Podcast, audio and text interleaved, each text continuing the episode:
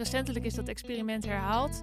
Uh, en dan nu dus met een ouder die zijn telefoon pakt. Dus je zit, het kind zit dan in een stoeltje, de ouder heeft contact met het kind, ze hebben het leuk met elkaar, dan gaat het lampje aan.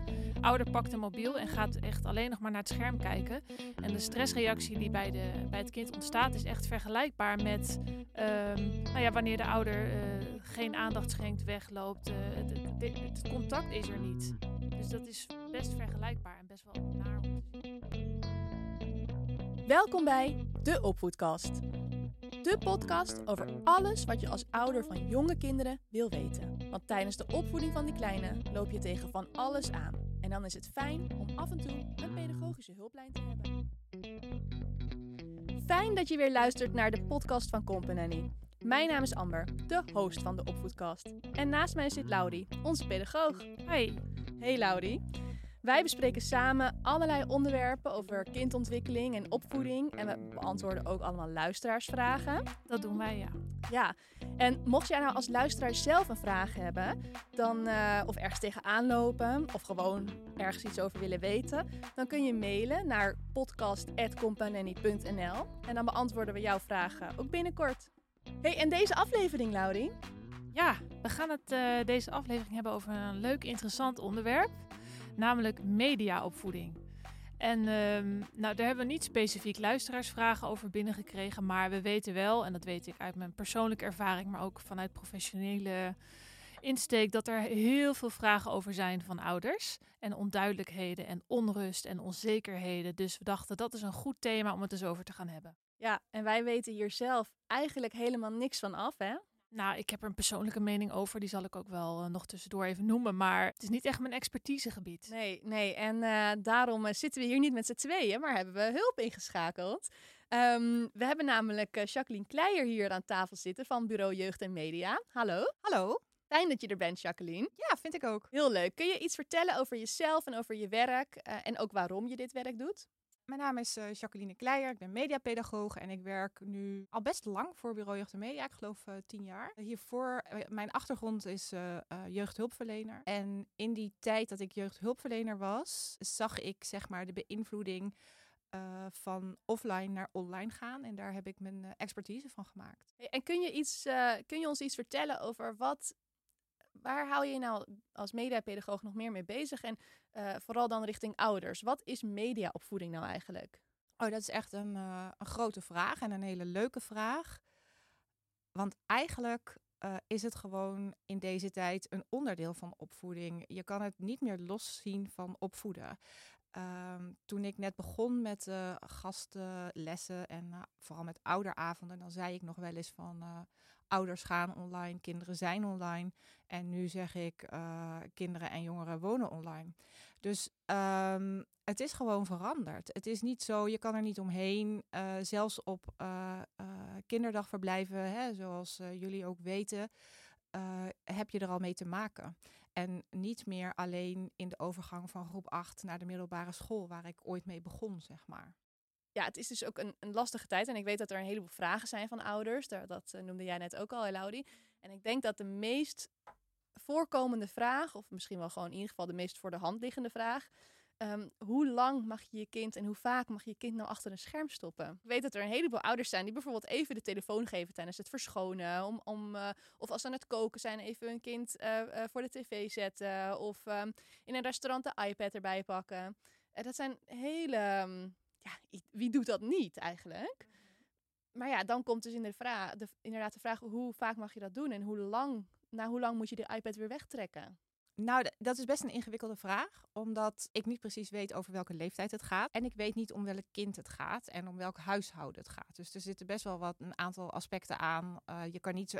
Ik vind het. Uh, ik kan niet zeggen je mag uh, 10 minuten per dag als je een jaar bent of zo. Maar wat je wel heel goed mee kan nemen als ouder in de opvoeding, uh, is één, zeg maar, hoe leef je je kind voor? Hè, wat, doe je, wat, is, wat is je eigen manier van met media omgaan? Uh, zit er vaak een schermpje tussen jou en je kind in het contact hebben? Uh, dat is eigenlijk wel een van de dingetjes waar ik me het meeste zorgen om maak in deze tijd. Hè? Dus dat het oogcontact wegvalt. dus daar zou ik als ouder, als jonge ouder, nu heel goed op letten. Mooi dat je dat zegt. We hebben um, ook een aflevering over contact met je baby. En uh, daarin hebben we het inderdaad ook gehad over die oprechte aandacht die je je kind schenkt. En als je inderdaad, um, ja, als je met je kindje, je babytje aan het spelen bent, terwijl hij op een kleedje ligt of zo, en jij zit ondertussen even een berichtje te sturen, ja, dat is natuurlijk geen, uh, geen oprechte aandacht. Nee, dat is geen oprechte aandacht. En het is ook zo dat uh, heel veel ouders zijn heel trots op hun kinderen en op hun babytjes. Maar dat maakt ook dat er heel vaak een scherm tussen jou en je kindje zit om te laten zien hoe leuk jouw kindje is. Uh, maar dat is wat je kindje ziet. Die ziet ja, dat scherm en niet jouw ogen. En zelf heb ik uh, ook een aantal jaar in de pleegzorg gewerkt en video-interactiebegeleiding gegeven. En het is van zo'n groot verschil of je echt contact maakt, of je echt je kindje aankijkt en op de minimale tekenen van herkenning, zeg maar, te letten, dan wanneer er een schermpje tussen zit. En ander voorbeeldje. Ik was een aantal jaar geleden op Texel met mijn. Ik heb twee zonen, die zijn al uh, een stuk ouder dan uh, de babyleeftijd. Maar het voorbeeldje over Texel wat ik wilde vertellen, is dat zag ik een meisje bij de zeehondenopvang staan. Dan kun je door het glas zeg maar naar een zeehondje kijken. En eigenlijk het enige wat dat kleine meisje deed, was met de iPad filmen naar de zeehond. En die zeehond wilde eigenlijk contact met haar maken, maar er zat gewoon een scherm tussen. En ze had het filmpje gemaakt. Ze keek eigenlijk geen één keer recht naar de zeehond. Maar met de iPad liep ze naar de vader en toen zei ze: Kijk eens. En toen keken ze allebei naar het schermpje, naar de zeehond.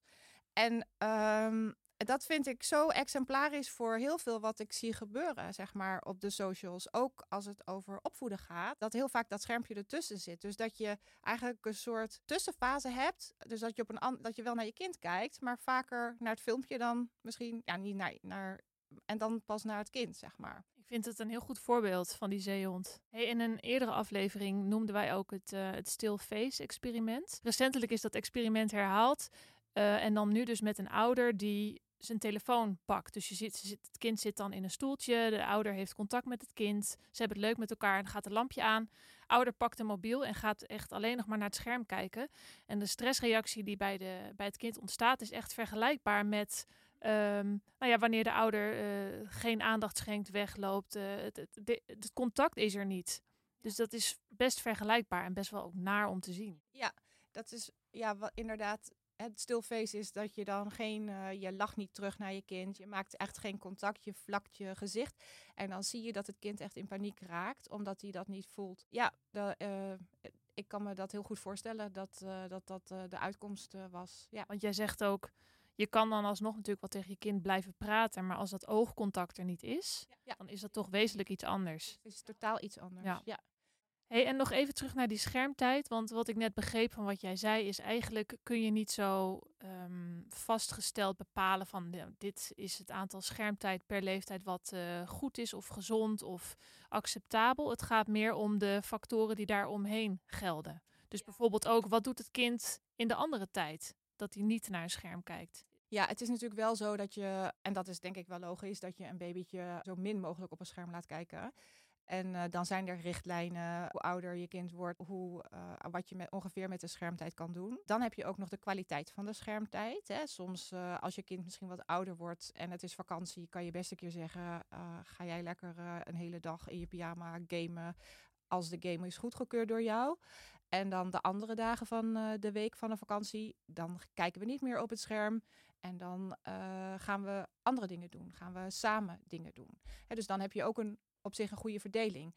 Dus het is belangrijk dat je ernaar kijkt als je een regel maakt in huis over schermtijd dat je hem zelf ook na kan leven. En dat je hem zelf voor kan leven. Dus twee dingen. En dan de kwaliteit van waar je kind naar kijkt. Ik kan me dus voorstellen dat als je aan het koken bent, uh, dat het fijn is als je kind misschien even wat filmpjes kijkt. Omdat dat uh, jou wat vrijheid geeft en dat je kind misschien even rustig is. Maar als je je kind dan bijvoorbeeld voor een aantal YouTube-filmpjes zet, dan heb je een uh, grote kans dat daar reclames tussendoor komen van bijvoorbeeld de film It, ik zeg maar wat. Of als je denkt, nou, ik heb het gewoon uh, uitgekozen, uh, buurman en buurman, leuke filmpjes. Maar dan kan het ook zijn dat er ineens filmpjes tussen zitten die studenten hebben gemaakt, waarin buurman en buurman elkaars hoofd afzagen. Nou, dat is voor ons heel grappig, maar dat is helemaal niet grappig voor kleine kinderen. Ja, dan kun je in die zin beter kijken naar, mocht je nog een uh, DVD-speler hebben, dan weet je zeker uh, wat erop staat. Maar ook op Netflix kun je heel goed uh, keuzes maken met wat je kind kan zien. Er staan ook leeftijden bij. Kijk ook zeker naar de kijkwijzer, zodat je kind niet reclame ziet die niet voor je kind bestemd is. Dus eigenlijk is YouTube, um, dat is natuurlijk best wel een populair platform, vooral onder jeugd, wat oudere kinderen of volwassenen. Maar voor jongere kinderen, als ik jou zo hoor, is dat niet een direct aan te nee, raden platform. Er zit zelfs een minimumleeftijd van 16 jaar aan. Hmm, dat wist ik niet eens. Nee, dat wist ik ook niet. Dus wat dat betreft kun je beter Netflix kijken, want daar kun je natuurlijk in de kids, um, uh, in het kids-account Ja, je hebt ook kinder-YouTube, daar kun je ook nog naar kijken. Uh, en uh, je hebt de kids-account bij Netflix, ja. Oké, okay, dus kinder-YouTube, dus kinder dat is wel veilig. Dan kun je niet zomaar nee, andere dingen tegen. Dat is een stuk veiliger. Maar ik zou het niet aanraden. Ik zou zeker, uh, als je jonge kinderen hebt, zou ik iets aanraden waarbij je echt uh, totale controle hebt over wat ze zien. En, uh, want zo, als je het dan echt over mediaopvoeding hebt, dan ga je van totale controle naar steeds vrijer, zeg maar. Hè? Dus je maakt, je maakt daar keuzes in. Als je op een gegeven moment maak je daar afspraken met je kinderen over, bijvoorbeeld. En zeg je van, nou, je krijgt een telefoon of je mag een iPad. En alleen ik uh, controleer wel wat je kijkt. Ik kijk, uh, ik kijk af en toe even. Daar moet je echt eerlijk over zijn. Dat moet je niet stiekem doen. Want dat is ook weer een voorbeeld. Hè. Dan gaat je kind ook in, uh, stiekem dingen doen. En dan kun je je kind af en toe een beetje coachen in hoe ze zich gedragen of steunen als ze nare dingen zien of als er nare dingen gebeuren. En als je dat vertrouwen dan hebt opgebouwd, als ze dan naar de middelbare gaan, op een gegeven moment kinderen gaan komen in de puberteit en die hebben steeds meer recht op privacy, uiteraard, als ze groter worden. En dan kun je ze steeds vrijer laten. En dus het is ja, ik denk dat je zo de mediaopvoeding goed zou kunnen duiden. Net zoals dat je uh, dat in het verkeer doet. Hè. Uh, eerst zit je kind in een wagentje. Op een gegeven moment leert hij lopen aan het handje. Dan misschien een loopfietsje. En dan uh, misschien tot aan het einde van de straat mag je lopen. Hè. Dan krijg je al een stukje vrijheid. En als je kind daar niet naar luistert, weet je... oh, dit kind kan dit nog niet aan. Ik moet toch nog even aan het handje. En zo is dat ook met mediaopvoeding. Dus als je je kind niet tot het einde van de straat kan laten lopen, omdat het toch nog niet helemaal goed gaat, zeg je van nou, we gaan toch nog even anders proberen. En uh, ja, dat is, dat, is, dat is een beetje zoeken met je kind. En vind jij het ook aan te raden dat je als ouder altijd meekijkt? Altijd is niet te doen, denk ik. Dus dat is een grote opgave. Ik denk dat ouders zich ook. Uh, uh, veel opleggen en dan daar een schuldgevoel over krijgen als ze het misschien niet goed doen. Uh, maar wel, het is wel belangrijk dat je weet waar je kind is. Net als kinderen bijvoorbeeld een speelafspraakje maken, dan wil je weten waar je kind gaat spelen. Of je wil weten welk kindje bij jou komt spelen. Nou, zo gaat het ook met het online gebeuren. dat je weet waar je kind een beetje uithangt, zeg maar. En, en hoe dat het daar gaat. Ik heb, mijn zoon is drie en die, die kijkt graag naar Sean het schaap. Nou, dat vind ik zelf ook vrij geestig, dus dat is, dat is gewoon wel leuk. Maar ik, inderdaad, ik kijk niet altijd mee, want precies wat jij noemt, dat koken. is een ideaal moment dat hij Sean het schaap gaat kijken. Maar toen was er toch een keer een aflevering bij met een vrij grote stier. Ja, daar was hij helemaal angstig van geraakt. En toen uh, had hij daar s'nachts ook nachtmerrie over. Voelde ik me een beetje, ja, toch een beetje lullig of zo. Dat ik dacht, hé, ah, wat, wat sneu ja, had ik dit moeten zien. Maar ja, ik had ingeschat dat dit... Kan niet echt bepalen waar hij dan bang van wordt. Dat is moeilijk. Nee, dat klopt. En dat zeg je eigenlijk uh, heel goed. Je kan niet bepalen waar hij bang van wordt. En uh, je kan het wel opvangen. Hè, dus uh, in die zin, je weet wel wat hij gezien heeft uiteindelijk. Kennelijk heeft hij dat verteld. Of heb, je, heb je gezien dat hij geschrokken is en heb je nagekeken? Wat was er eigenlijk te zien? Nou, en dan is het heel belangrijk dat je um, je kind daar serieus in neemt. En dat je daarnaar handelt. Want als ik bijvoorbeeld een gastles op een basisschool geef. En ik vraag op een gegeven moment van... Ben je wel eens ergens heel erg van geschrokken wat je online hebt gezien? Ja, dan komen er heel veel verhalen. En heel vaak schrik ik er zelf heel erg van wat ze gezien hebben. En ik vraag soms ook van, uh, goh, heb je hier al wel eens over gepraat met iemand? En dan zegt ze nee. En dan zeg ik, hoezo niet? En dan zegt ze, is nog nooit gevraagd. Dus um, open het gesprek erover en troost je kind, steun je kind en zorg dat je niet uit... Soms worden ouders boos van, ik pak het weg, je mag niet meer kijken. Maar dan is het alsof je kind straf krijgt, omdat hij per ongeluk iets gezien waar hij bang van is geworden. Dus dat is een beetje jammer. Als je merkt dat je eerste reactie dat is, dan kun je dat natuurlijk altijd herstellen. Um, uh, maar probeer uh, je kind gewoon te begrijpen. Ja, dus je hoeft je niet schuldig te voelen als ouder als je het niet hebt kunnen voorkomen. Maar het, open, het gesprek open aangaan en de troost bieden is dan Ja, eigenlijk want het dat is ook een levensles. Hè? Dat als je eh, ergens van schrikt of ergens bang van wordt, hoe ga je daarmee om? Dus dat is bij uitstek een opvoedingsdingetje. en eh, je kan niet eh, volwassen worden zonder iets mee te maken. En eh, dit is een dingetje wat hij heeft meegemaakt. En hij heeft geleerd dat jij er bent om te troosten. En dat is ontzettend fijn. Ja, mooi gezegd. Je noemde net ook al dat de kwaliteit van video's die je kijkt dus heel belangrijk is. En ik neem aan dat- dat het met apps net zo is als kinderen wat ouder zijn. Eh, bestaat daar een, een lijstje van? Is daar, weet je, wat, wat jij ouders aanraadt? Ja, er zijn zelfs websites die dat eh, bijhouden. Zo kun je kijken naar Media Smarties. Daar staan eh, vaak eh, tips op. En ik kan jou daar een lijstje van sturen en dan kun je dat online zetten. Ja, laten we dat doen. Nou, dan kunnen luisteraars ook op de website van Company kijken naar dat lijstje. Jij zei net ook al helemaal aan het begin dat ouders dus heel vaak foto's maken van hun kind en dan dus niet dat contact hebben met hun kind. En over dat foto's maken van je kind. Dat gebeurt zoveel tegenwoordig. Je bedoelt Ja, delen van de er- foto's. Ja, Ja, dat ja, vooral. ja. Sorry. Ja.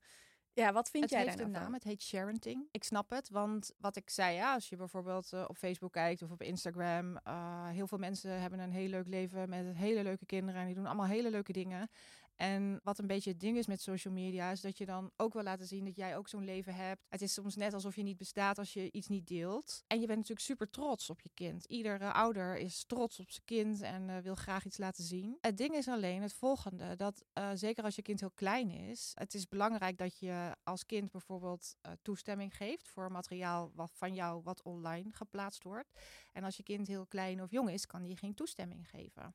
Nou is het natuurlijk zo dat je als opvoeder voor je kind beslist. Maar toch wil ik het even noemen. Wat er een beetje insluipt, wat ik wel eens vraag, bijvoorbeeld ook in de klasse. Dan vraag ik eh, wiens ouders zetten wel eens foto's van jou online, terwijl je dat eigenlijk helemaal niet leuk vindt. Nou, dan eh, komen er geluiden uit de klas. Van, "Wow, wow," dan gaan ze dat soort geluiden maken. En dan zeggen ze als eerste, het zijn ook altijd foto's die ik niet leuk vind. Want ouders maken, pakken natuurlijk de verkeerde foto's. Maar als je dat dus doet, als je kind wel bewust is, bijvoorbeeld je vraagt het niet aan je kind en je plaatst ze wel, dan is dat het voorbeeld wat je je kind geeft. Hè? Van je hoeft niks te vragen, je kunt het gewoon plaatsen. En daar krijg je gewoon eh, last mee in de opvoeding, want dat is een heel gek voorbeeld. En het tweede is dat als je kind zegt: eh, nee, ik wil het eigenlijk niet, en je doet het wel, dan hoor je, dan zeg je dus, geef je dus je grens aan, maar er wordt niet naar geluisterd. Dus wat je kind dan leert, is het maakt niet uit als ik mijn grens aangeef, er wordt toch niet naar geluisterd. Wat je kind dan leert, is dan, ja, ik ga mijn grenzen misschien niet aangeven, maar ook heeft je kind misschien geleerd, je hoeft geen respect voor de grenzen van een ander te hebben. Dus ja, mediaopvoeding is eigenlijk gewoon opvoeden. Het zijn niet twee losse dingen. Je stelt op dezelfde manier grenzen als dat je doet wanneer je eh, je kind eh, Alcohol gaat drinken laten. bijvoorbeeld Nou ja, dat is een heel interessant voorbeeld wat je, wat je aanhaalt. Omdat een van de meest gestelde vragen gaat bijvoorbeeld over andere kinderen mogen wel Fortnite spelen. Maar mijn kind is er zeker te jong voor, dat wil ik niet. Hoe ga ik daarmee om? Valt die dan buiten de groep? Nou, dit is bij uitstek een manier op de basisschool om te oefenen voor het vraagstuk wat je later met alcohol krijgt. Want dit, deze vraag blijft altijd terugkomen. Grenzen stellen eh, gaat vaak ook over hoe je als ouder zelf grenzen durft te stellen. Als straks kinderen het lastig vinden om grenzen aan te geven bij alcoholgebruik of weerstand te bieden aan groepsdruk. Als je dan even terug gaat kijken hoe is het eh, eerder gegaan. Hey, en als je, als je het dan hebt over eh, andere ouders. Je had het net over sharenting. Ik kan me voorstellen dat je als ouder, stel jij wil, jij wil dat niet, eh, foto's delen van je kind. Je bent daar principieel over of je vindt dat niet fijn. Of je hebt geen social media. Maar alle bevriende ouders van de vriendjes van je kind, die hebben dat allemaal wel. Ehm, dan voel je misschien als ouder wel een beetje eh, een spelbreker of eh, buiten de boot vallen. Hoe moet je daar als ouder mee omgaan? Laten we het onderwerp eens veranderen. Laten we, eens, laten we het eens hebben over seksualiteit. Laten we eens zeggen, het zijn pubers en iedereen zoent met elkaar en eh, je moet niet zo zeuren en wat stel je aan? Terwijl jij bij jezelf denkt, maar ik wil dit eigenlijk helemaal niet. En dan wordt het voorbeeld ineens heel duidelijk. Je mag je grens aangeven. En wat ik heel vaak tegen kinderen in de klas zeg, is van, eh, als jij voelt dat er iets niet klopt, dat klopt. En daar moet je heel goed naar je eigen gevoel luisteren. Want in dat groepsproces word je heel erg beïnvloed. En internet is bij uitstek één groot groepsproces. Dus je wordt constant beïnvloed. En het is heel belangrijk om telkens te denken: wat wil ik eigenlijk zelf? Ja, duidelijk. Hey, en zijn er nou een set van basisregels die jij ouders uh, kunt meegeven qua mediaopvoeding? Ja, ik vind het altijd lastig om te zeggen je mag niet dit of je mag niet dat. Maar wat ik uit eigen ervaring weet is dat regels heel lastig terug te draaien zijn. Dus je kan beter wat strenger uh, insteken en losser worden dan los beginnen en dat je terug moet draaien. Dat is één. En ieder kind is anders. Dus ik heb bijvoorbeeld twee totaal verschillende zoons. En eentje die rekt altijd de grenzen op. En de ander nooit. Uh, dus die hebben ook een ander soort aandacht nodig uh, en een andere benaderingswijze. En aan je eigen huishouden. Hè, dus ook als je misschien in de vakantie, wat ik net zei, dat voorbeeldje allebei moet werken, uh, dat je één dag zegt: Oké, vandaag mag je de hele dag dit en dit doen online, maar de rest van de vakantie doen we dat niet. Want als je gaat zeggen: Je mag iedere dag één uur of twee uur in de vakantie iets online doen en je kunt het niet controleren dan uh, leer je je kind eigenlijk, uh, ja, het maakt, maakt niet uit die regels die mijn ouders stellen. Ze kunnen het toch niet controleren. En dat is, uh, dus, dus kijk gewoon goed naar wat bij je past. En zodat je zelf daar ook geen stress over krijgt.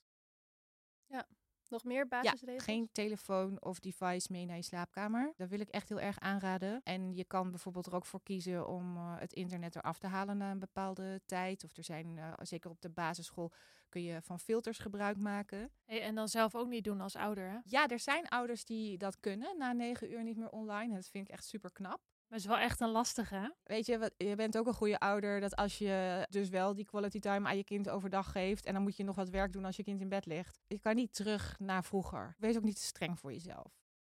Nou, dat vind ik ook een mooie afsluiter. Heel erg bedankt, Jacqueline, dat je hier uh, ons, um, dat je jouw expertise wilde delen. En uh, ik hoop ook echt dat ouders uh, hier wat aan hebben. En ja, misschien hebben ze nog wel ehm, vervolgvragen. En dan kunnen we die zeker behandelen. Dan mogen ze die sturen naar podcast.company.nl.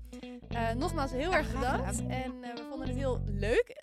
Al, vond jij ja, ja, ik heb weer een hele hoop geleerd. Dus dankjewel, Jacqueline. Echt enorm leerzaam. Nou, bedankt voor het luisteren en uh, tot de volgende keer.